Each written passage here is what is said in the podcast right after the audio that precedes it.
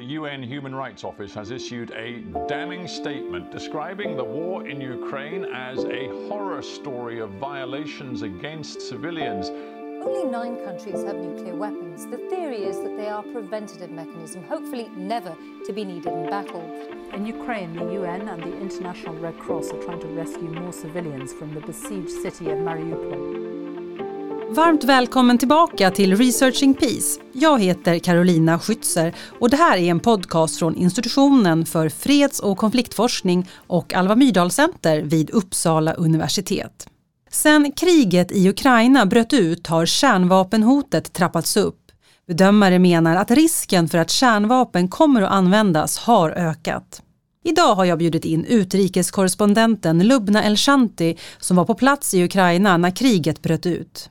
Hur är det att bevaka ett krig och vad tror folket i Ukraina själva om kärnvapenhotet? Dessutom ska vi få reda på bakgrunden till varför Pink Floyd sjunger en ukrainsk folkvisa. Varmt välkommen till Researching Peace, Lubna Elshanti. Tack. Du är Sveriges Radios Östersjökorrespondent och har nyss kommit hem från Ukraina. Hur länge var du där, Lubna? Jag har varit där till och från den 19 februari, alltså fem dagar innan kriget bröt ut. Och när kriget väl hade brutit ut så anslöt också min kollega Johan Mattias Sommarström och sedan dess har vi varit i Ukraina till och från, mellanlandat någon vecka i Sverige och sen åkt tillbaka och nu är vi under en sån mellanlandning i, i Stockholm och eh, ja, planerar att åka tillbaka snart. Hur är det att jobba på plats i Ukraina just nu?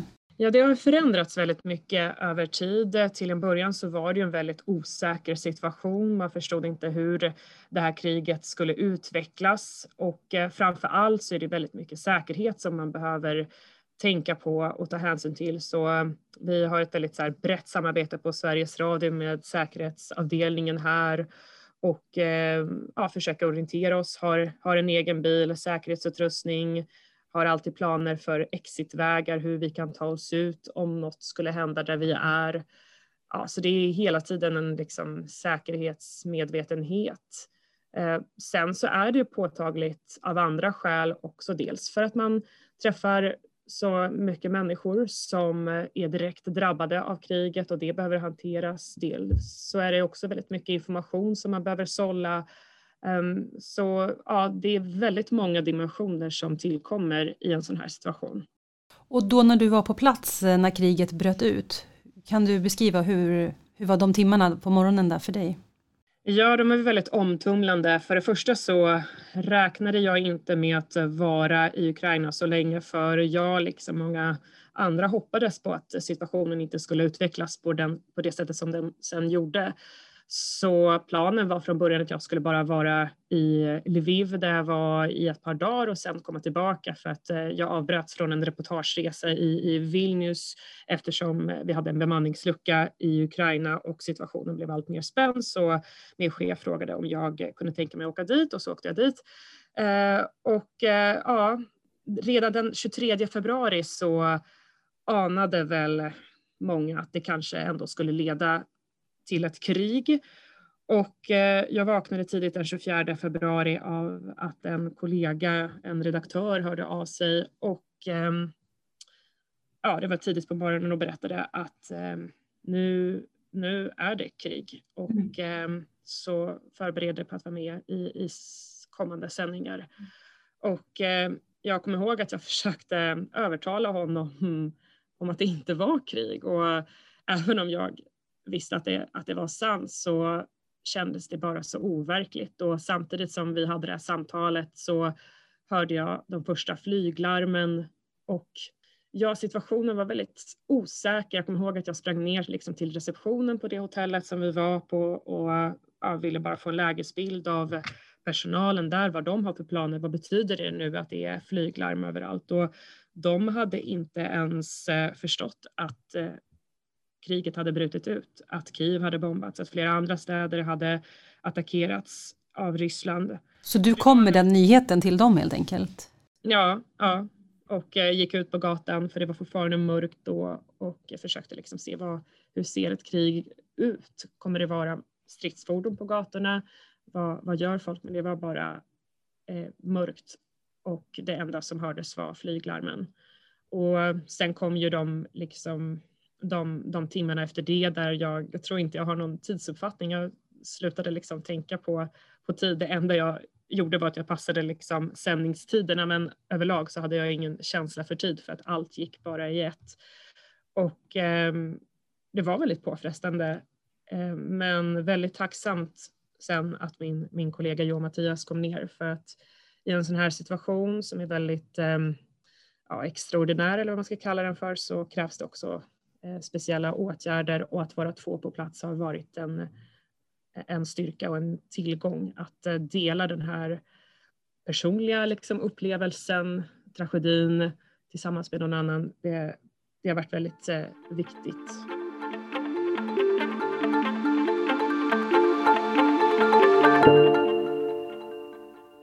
Och du har också en speciell koppling till Ukraina. Kan du berätta lite om din bakgrund? Ja, alltså, jag är född i Ukraina, eh, kom till Sverige när jag var fem, eh, så jag pratar ju ryska och lite ukrainska. Men vi har inte så mycket familj i Ukraina och jag har liksom inte varit där så mycket som, man, som jag hade önskat nu i efterhand. Ehm, men det är väl den kopplingen jag har. Men det är klart att det är liksom, det är klart att det påverkar en också att man har en viss förståelse, en bakgrundshistoria som, som hjälper en att förstå vad, vad folk egentligen menar när de säger saker. Man kan liksom sätta saker i en, i en, i en kontext, i en kulturell, i en historisk kontext.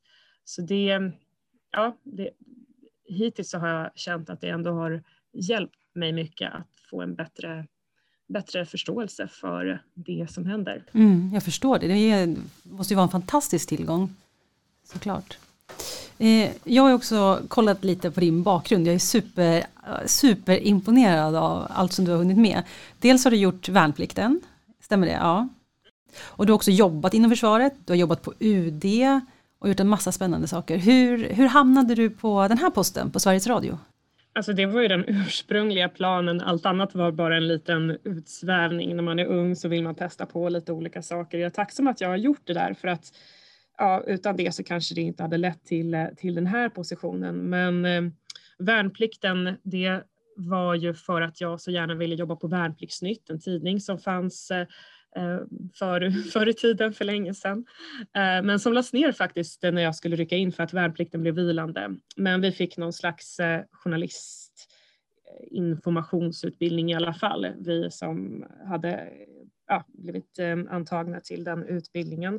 Så det var väl eh, det var väl planen hela tiden att det är journalistik jag vill jobba med och det är utrikesjournalistik jag vill jobba med.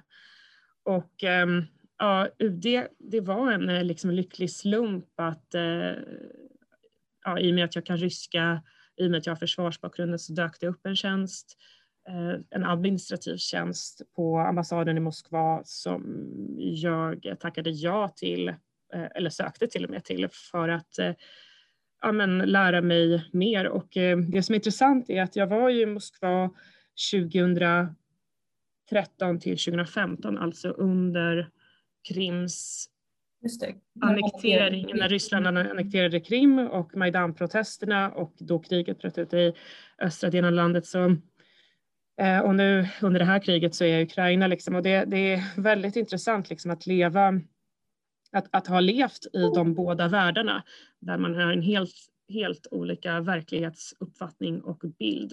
Ja, men kan du inte beskriva det lite mer, det där just med olika verklighetsuppfattningar.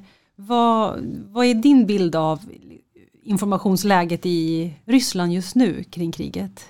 Nej, men det är klart att eh, det märkte vi, det märkte jag redan då att eh, den statskontrollerade televisionen har en extremt stor makt i samhället, det är det man tror på. Eh, man, då menar jag liksom såklart inte alla ryssar, men den, den liksom vanliga ryssen som kanske har ett vanligt jobb, som kanske kommer hem och tittar på TV.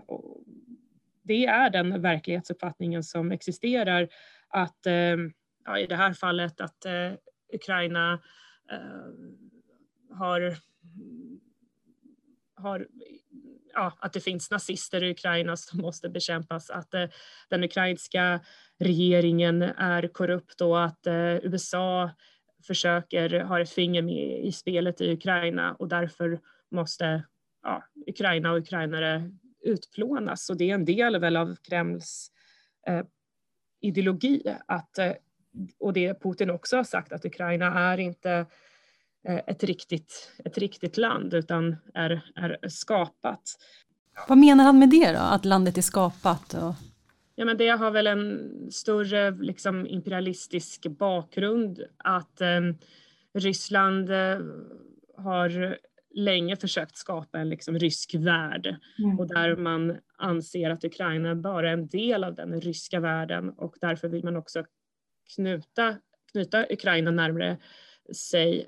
Eh, så man anser helt enkelt att Ukraina är inte ett självständigt land och eh, ska absolut inte skapa några relationsband till eh, demokratiska västliga länder som Europa och som USA.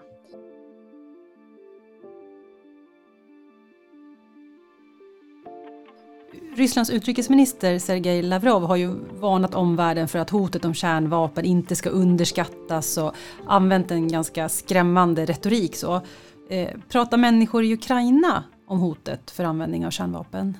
Speciellt i början så pratade många väldigt mycket om det.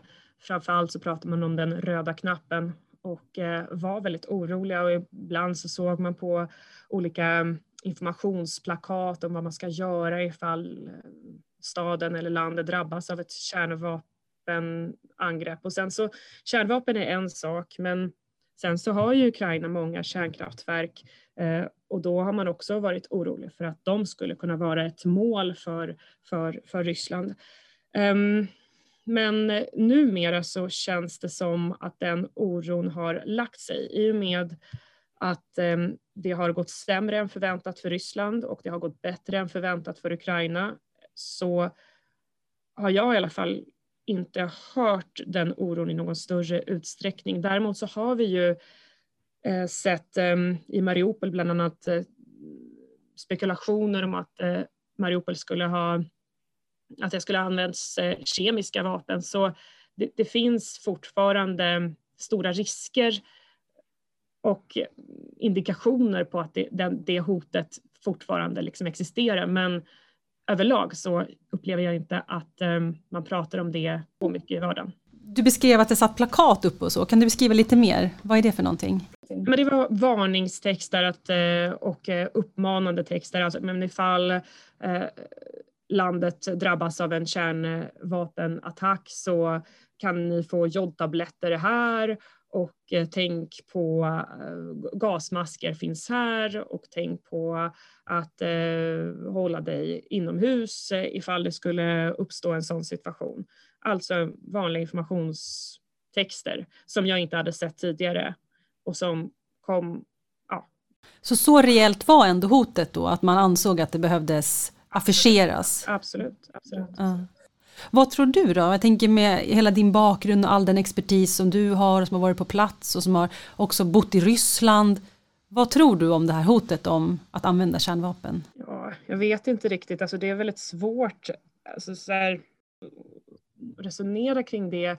Å ena sidan så vet Ryssland om att de inte är de enda som har kärnvapen och skulle kärnvapen användas så finns det risk att andra länder skulle vilja använda kärnvapen också, ehm, vilket kanske eh, gör att Ryssland värjer sig också för att använda kärnvapen. Men sen så vet vi inte hur den här situationen kommer att utveckla sig, om den kommer att eskalera, om Ryssland inte upplever att det finns någon annan utväg, så klart att det skulle kunna hända och det är någonting som vi också har alltid i, i våra beräkningar. Men eh, ja, just nu så, så finns det inte mer riktigt i den ryska retoriken. Man testar ju lite olika vapen som kan eh, ha kärnvapen.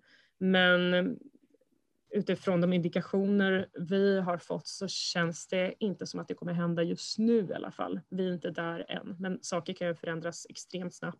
Tar ni med det någonting i planeringen av er egen säkerhet också? Det har vi gjort. Det har vi gjort. Absolut.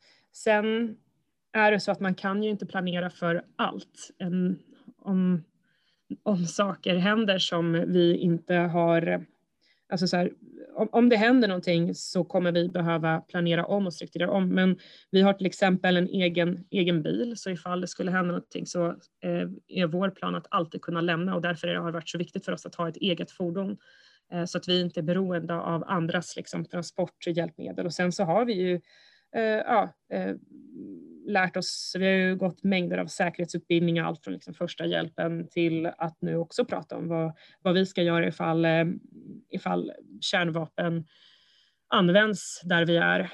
Ehm, så det finns i vår beredskapsplan.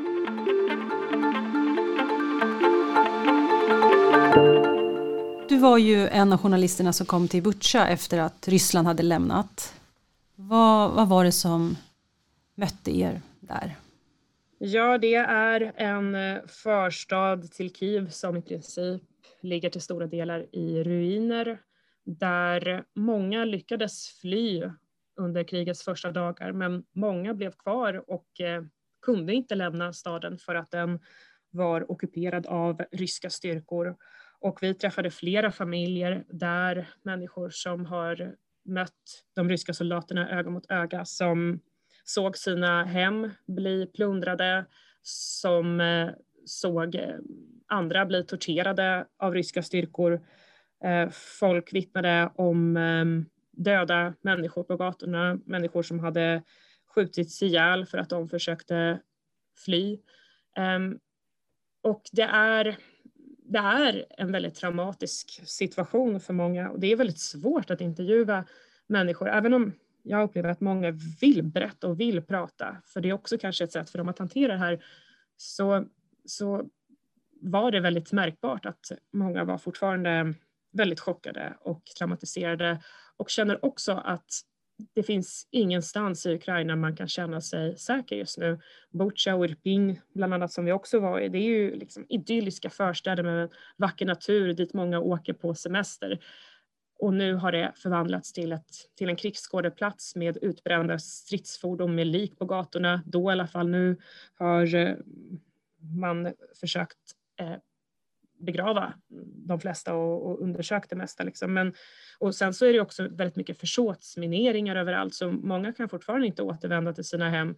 Vi var, när vi var i Irpin till exempel så träffade vi en, en mäklare som hade förstått att hans hem hade blivit plundrat eftersom några volontärer hade varit där och vi följde med honom i hans bostad och hans dörr var ju sönderslagen. Det stod en ölflaska på hans matbord som inte var hans. Eh, Eh, de hade, ryska soldaterna hade då tagit guld, hade tagit hans Playstation, hade åkt runt på hans dotters sparkcykel och eh, den här eh, Alexander heter han som vi följde med in. Han hade tidigare flytt 2014 från Donetsk till Irpin för att känna att här kan han och hans familj vara i säkerhet. Men nu känner han att, att, det, att det inte finns någonstans i Ukraina som han kan känna sig säker. Och även om ryska styrkorna har lämnat Kiev-området nu så vet man inte ifall de skulle kunna komma tillbaka någon gång.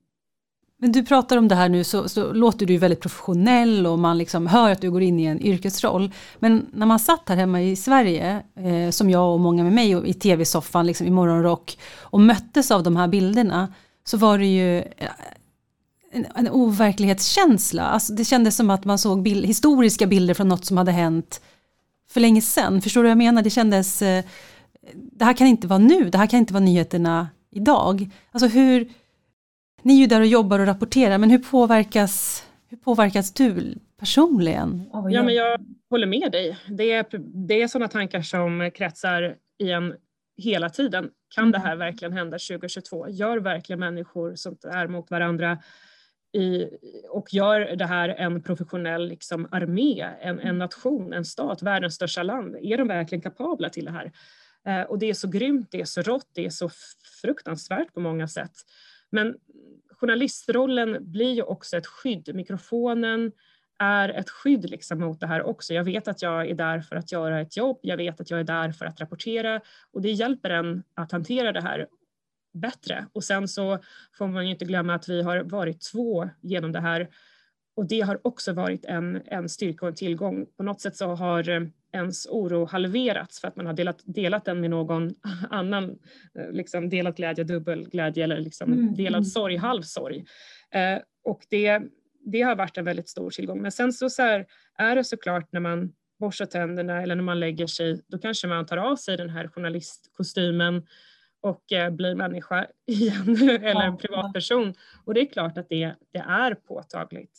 Eh, och eh, det har ju varit en känslomässig berg och dalbana, eh, sånt som man inte pratar om i radio, men det är klart att det här påverkar en. Har du brutit ihop vid någon punkt eller har du liksom klarat av att hålla det? Nej, men hur många gånger som helst så har vi tillsammans brutit ihop Eh, och gråtit eh, och varit jätteledsna och oroliga liksom för den här situationen, för människorna som vi möter. Alltså det är svårt att inte känna saker i en sån här situation. Ehm, så jo, jo, bryta ihop har vi gjort. Ni gör ett fantastiskt jobb. Det är ju makalöst att ni orkar vecka efter vecka och, och rapportera till oss som är här hemma. Och väldigt viktigt. Och nu planerar ni då för att åka tillbaka igen. Berätta lite vad ni, hur den planeringen går till och hur det ser ut.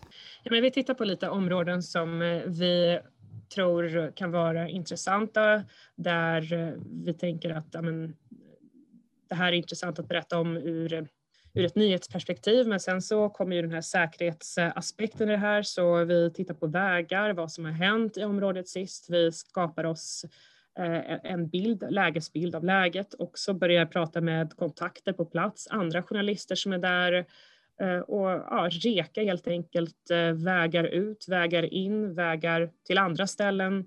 Så det är en, ja, en väldigt mycket förarbete som behöver göras inför en sån situation.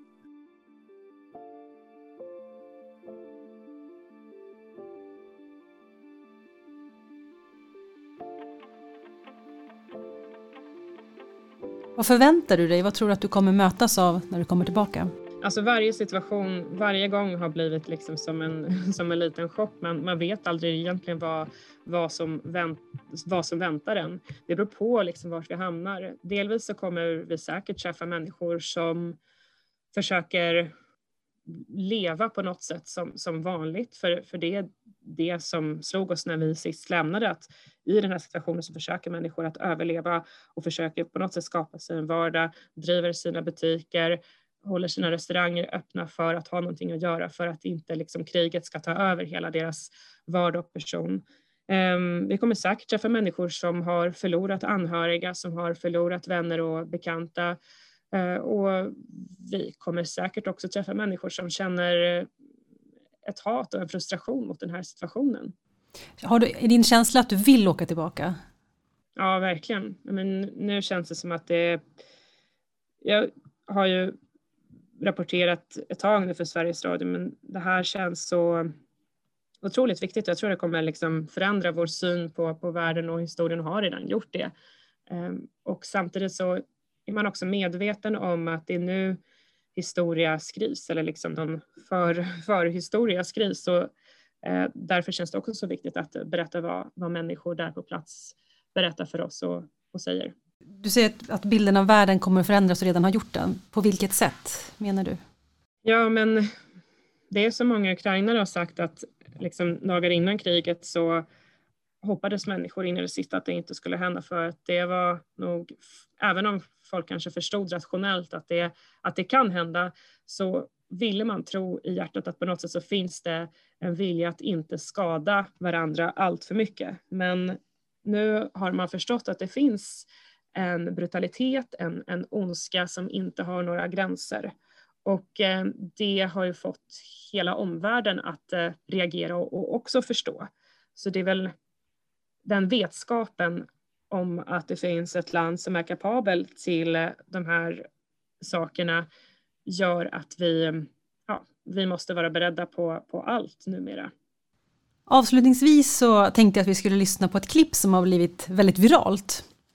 Eh, det är en man då som står på ett torg i Kiev klädd i militärkläder och med ett vapen över axeln och så plötsligt börjar han att sjunga. Och du har ju sett det här klippet då också. Men vi ska lyssna på det nu och sen får du hjälpa oss att förklara vad det är vi hör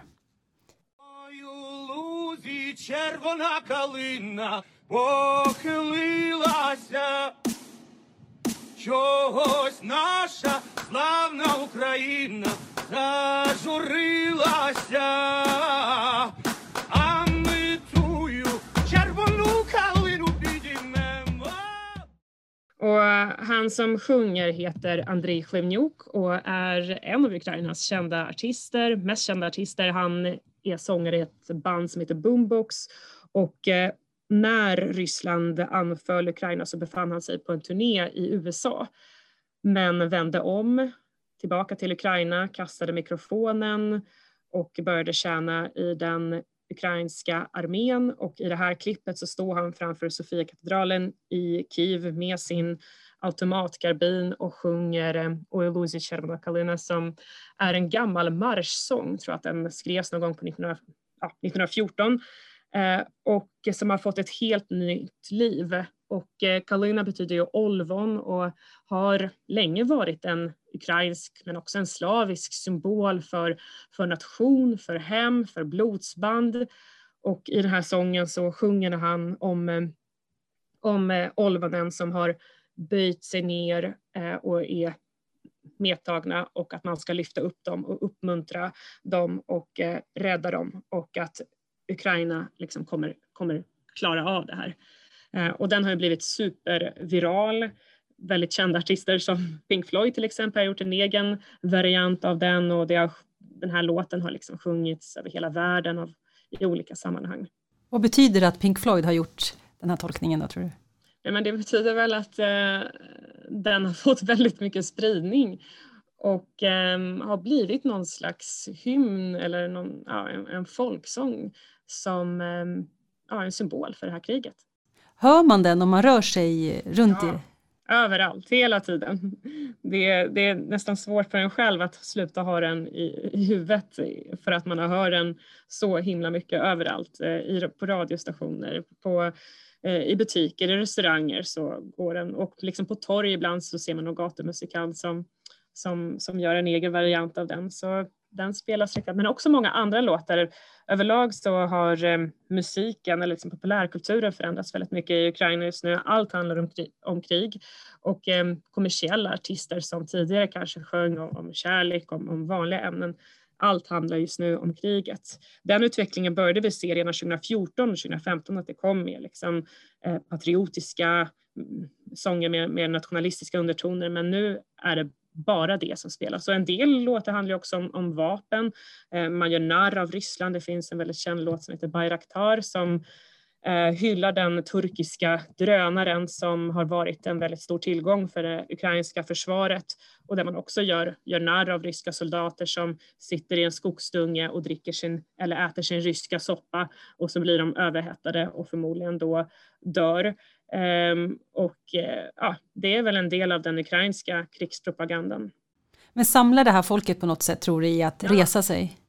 Det är ju syftet. Det är väl på ett sätt poängen med den här omställningen inom populärkulturen. Den här Bayraktar-låten, den har jag förstått ehm, skrevs av en officer som ehm, jobbar inom informationsavdelningen i den ukrainska armén. Så han fick eh, i uppdrag att skriva en låt som skulle berätta om de ukrainska framgångarna och då skrev han den här låten Bayraktar på 20 minuter och eh, den blev jätteviral. Så det, ja, det är väl det som är en del av poängen att uppmuntra ukrainare och eh, ja, berätta om de ukrainska framgångarna. Lycka till på resan nu som ni planerar och vi, vi jag ser jättemycket fram emot att följa din eh, framtida rapportering. Det var jätteintressant att prata med dig Lubna Ellersen. Tusen tack för att du var med. Tack också till Mark-John Gilmas som är vår tekniker och som klippt det här avsnittet. Den här podcasten produceras av institutionen för freds och konfliktforskning vid Uppsala universitet i samarbete med Alva Myrdal Center. Du som lyssnar kan alltid nå oss på info.pcr.uu.se. Stort tack för att ni har varit med oss.